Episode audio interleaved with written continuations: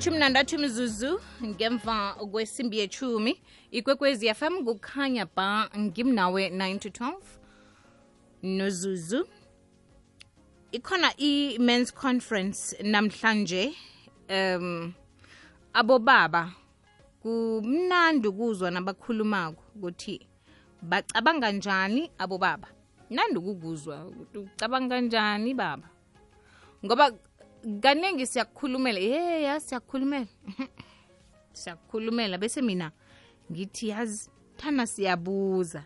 Yazi thana siyabuza. Manje sike nandi ithuba lokuzwa ukuthi izinto uzibona njani? Ingahani uzibona ngendlela esikucabangela ngayo ngendlela esikukhulumela ngayo? Nandi ithuba lokuthi uzikhulumele uveze indlela ozizwa ngayo.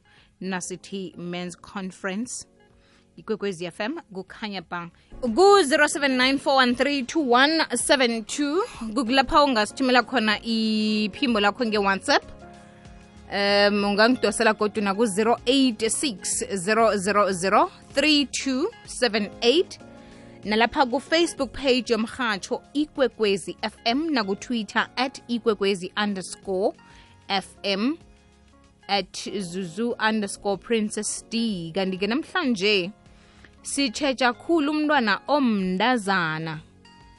Ya sitshetsha khulu umntwana omndazana. Namhlanje kulilanga lenithabathaba lapho simtshetsha khona. Kodwana-ke um kuba nendlela eziningi esingakwenza ngazo lokho. Siyakhuluma siyabonisana. Ingasukuthi umntwana omsana akakaqakatheki. Umntwana omsana qakathekile kunendlela afundiswa ngayo kunendlela akhuliswa ngayo ehlukileko kile ekukhuliswa ngayo umntwana omnazana manje sike ngibuza wena baba bona khuyini ongakwenza njengomuntu wembaji ukuze abentazana bahlale bavikelekile emphakathini wangikhenu ngoba hlangana nokhunye sikwenzako ngokuthi simfundise umntwana omndazana ukuthi kufanele aziphathe njani ekhaya emphakathini esikolweni nanyana kuphi lapha akhona bese siqalise ngakuweke baba ukuthi wena-ke khuyini ongakwenza njengomuntu wembaji ukuze abentazana bahlale bavikelekile emphakathini wangikhenu kungabi nalento yokuthi um nangicabanga ukuzivikela nangimndazana namkha ngimuntu wengubo kutsho ukuthi kufanele ngizivikele emntwini embaji cala msi kufanele ngibaleke lokha nangibona inja kufanele ngibaleke lokha nangibona isibandana. Kufanele ngithi nangikhamba ngedwa endleleni ngizizwe ngiphephile nakuvela umuntu wembaji ngitsho ukuthi nangumuntu ozongivikela. Ngingase ukuthi ngikubaleke ngoba ungumna kwethu ungumalume ungubaba unguba mkhulu yini-ke baba ongayenza? Uqinisekisa ukuthi siphila endaweni ephephileko sibabantu bengubo siqala umntwana omndazana umvikela njani emphakathini? Iye awuhlobani naye kodwana nangu uyambona ukhona emphakathini ohlala kiwo yini ongayenza wena? Ngimuphi umehluko ongawenza? Uthi nawubonisana nabanye abobaba uyibeke njani le ndaba ngendlela ezwakalako. Ikwekwezi fm kukhanya by mans conference imzuzu nayimatshumi amabili nahlanu ngaphambi kwesimbi yethubi naye alo kanti kuba yini? Sizwa kuthiwa batsho hawa ubaba kafuna ukuya emtholapilo hawa ubaba yena akafuni ukuyozihlolisa ikinga yekuphi kanti mina ngiyayazi into okhuluma ngayo le. Eh nginomunye futhi umnganami ke wa wa- wa- sathi siyofika ekliniki.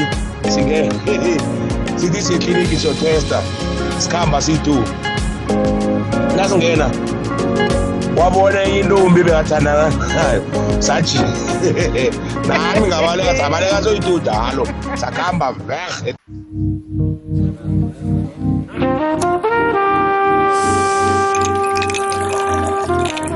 amadoda ahlangene ayakhuluma. Men's conference.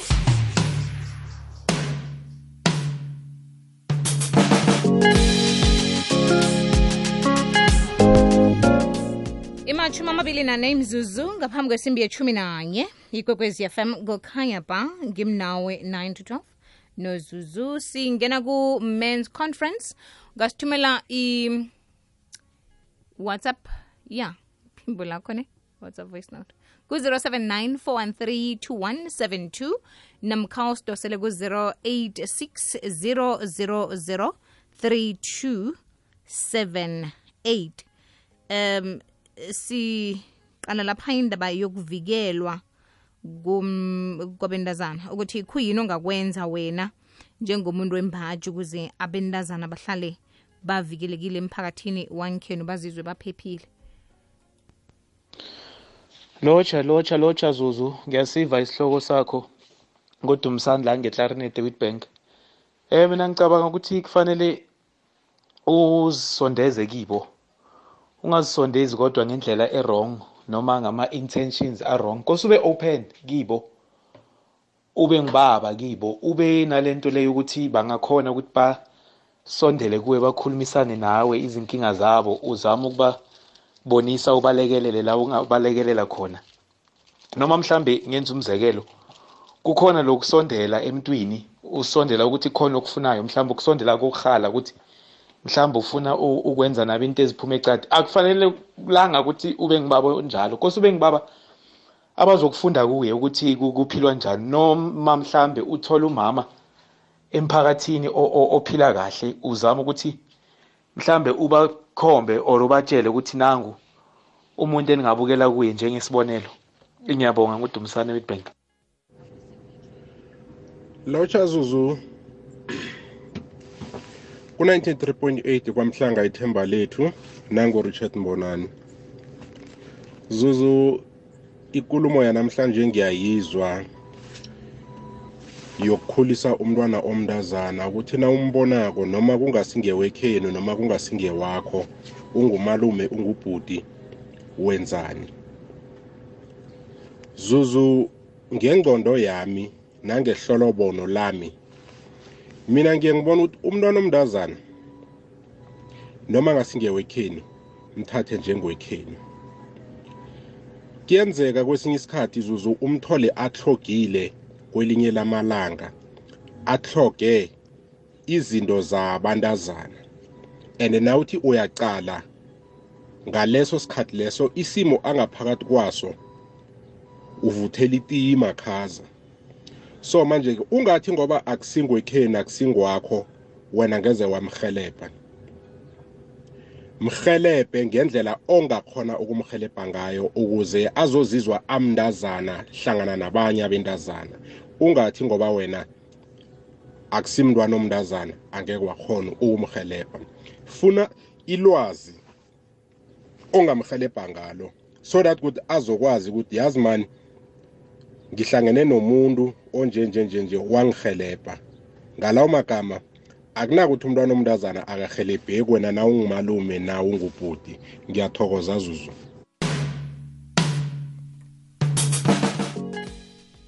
Ilithumi nethoma imizuzu ngaphambi kwesimbi yethumi nanye ikwekwezi fm kukhanya ba uthe mkosi somnandi mthweni lapha kufacebook page yomrhatsho ikwekwezi fm uthi mina ngikhuthaza amajida la ecentuриan ngithi ingasi ngegama lamadoda.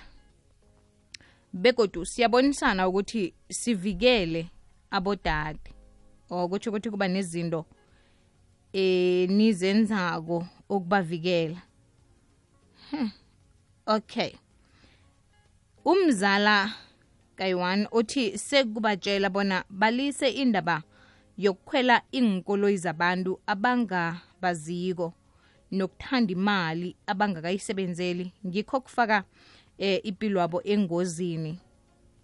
Thanda imali nenkoloyi okay.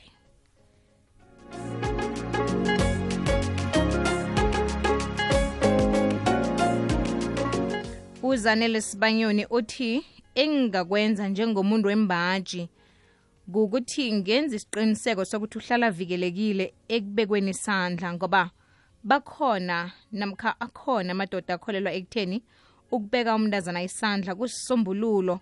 Indoda ebeka umntazana isandla silingakhulu okhunye singakwenza ukuthi nakusebusuku ukuhamba ngekoloyi umsize akwazi ukuvikeleka ngaso soke isikhathi. Kwekwezi usemoyini lotshani akwandi zuzu njani? Sivukile baba singezwa kini? Babamhlaphi ngekwakha njengepitora siyathokoza baba mhlaphi siyathokoza zuzu into esingavikela ngayo abentazana ngicabanga ukuthi zingaba mbili. Eh. kokuthoma amehlo wendoda. Na ungathi ubona umntwana omntazana alapha bese uyamtshintsha uqala iminyaka yakho neskini ulapha kubo twenty-five twenty-three emini kubo fifteen sixteen wena zithathe esisingathi mntwana akho womntazana.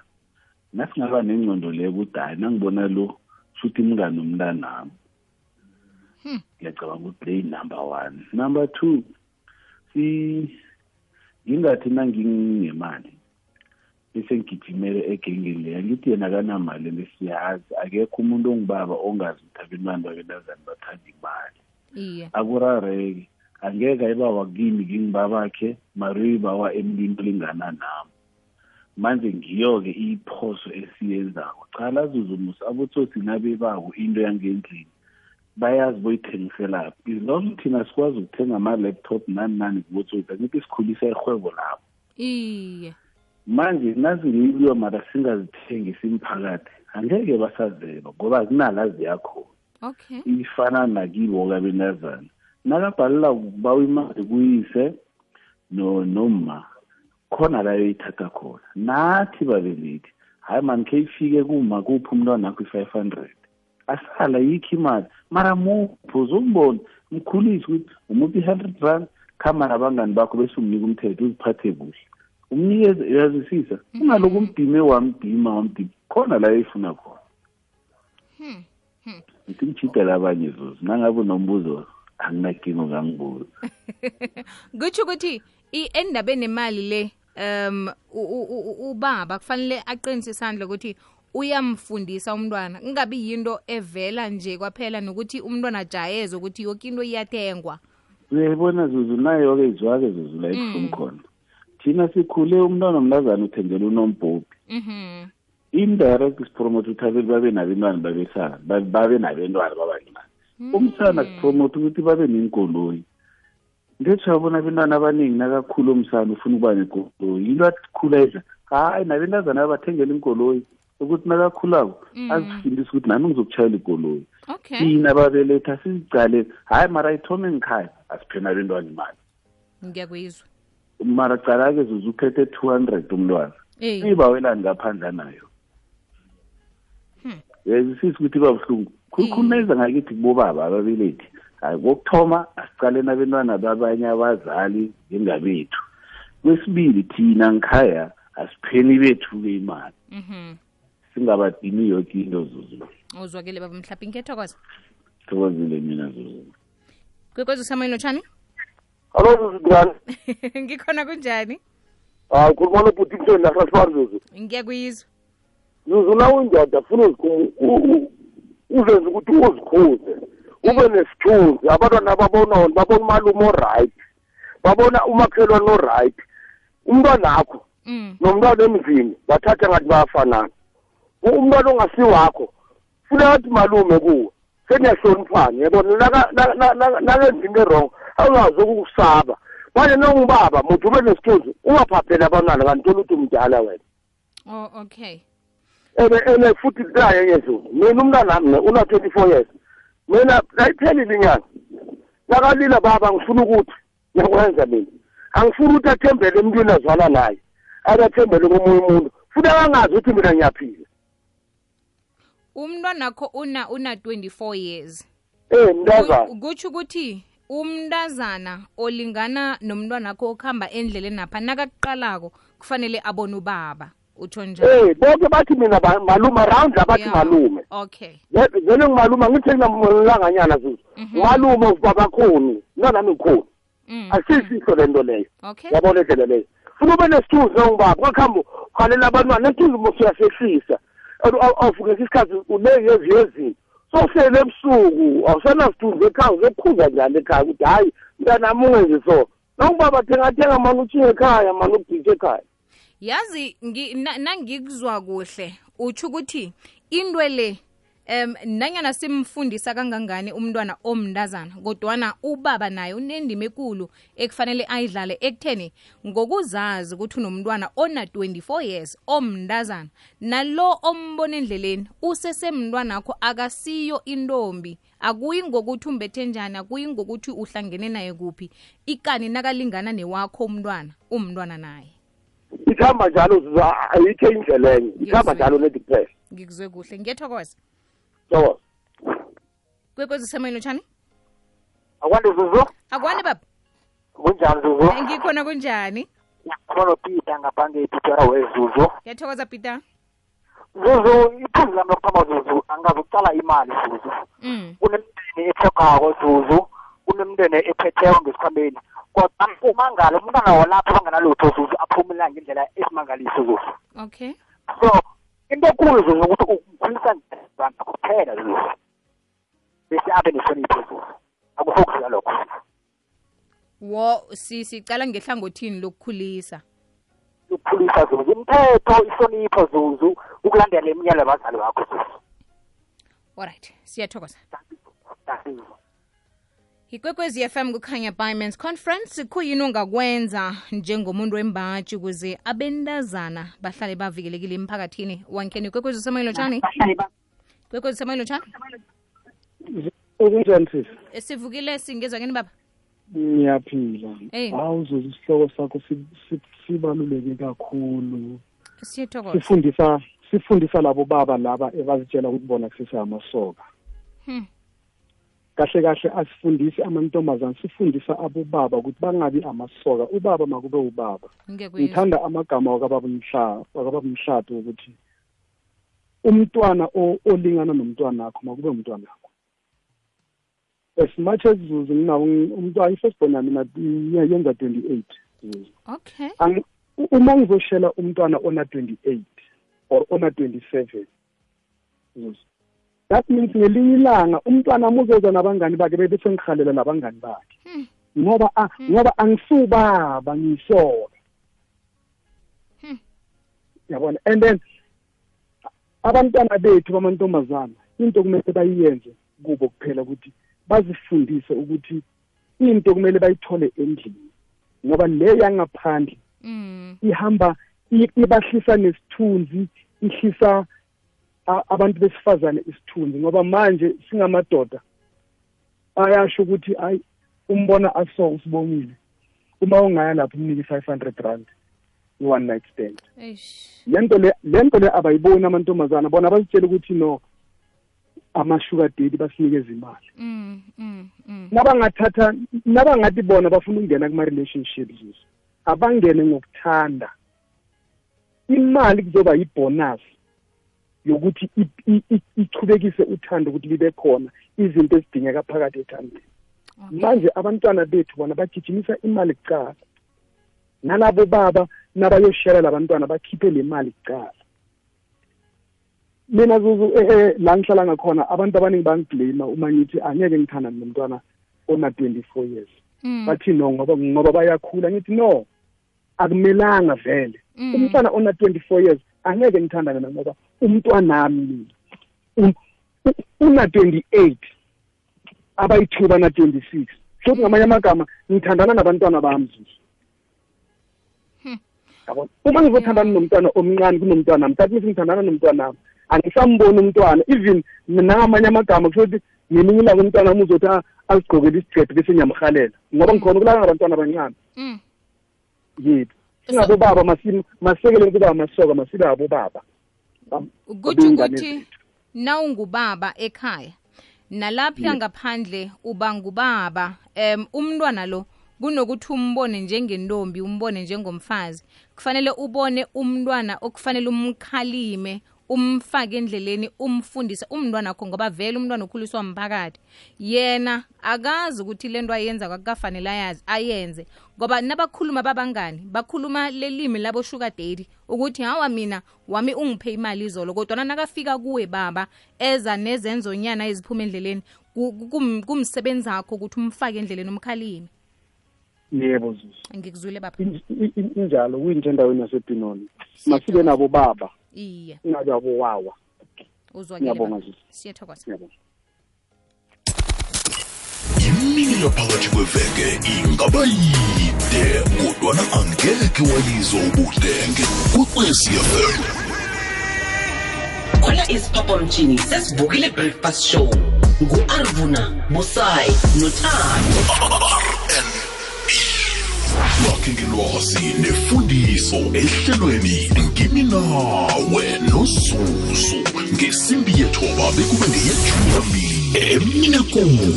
ibumbano litsho ukuqina njengenyanda ibotshwe ndawonye. Siditshile the unity show nobubodabit ngeyeshumi nambili bekube ngeyesithathu. Amathunzi anabile sibhingela ukuyothatha amandla matsha ngomsikinyeko we-triple ads noking b sikuphakele zemidlalo zitshisa ehlelweni fulela wanethwa nobig joe 326 triple ads sikupha ilwazi ngezomnotho. Sikulethele ekufanele ulale uyazi. Ehlelweni hlala nami negusheshelo mrhatho 7 to 9 konke lokhu ukufumana kukwekwezi fm kukanyamba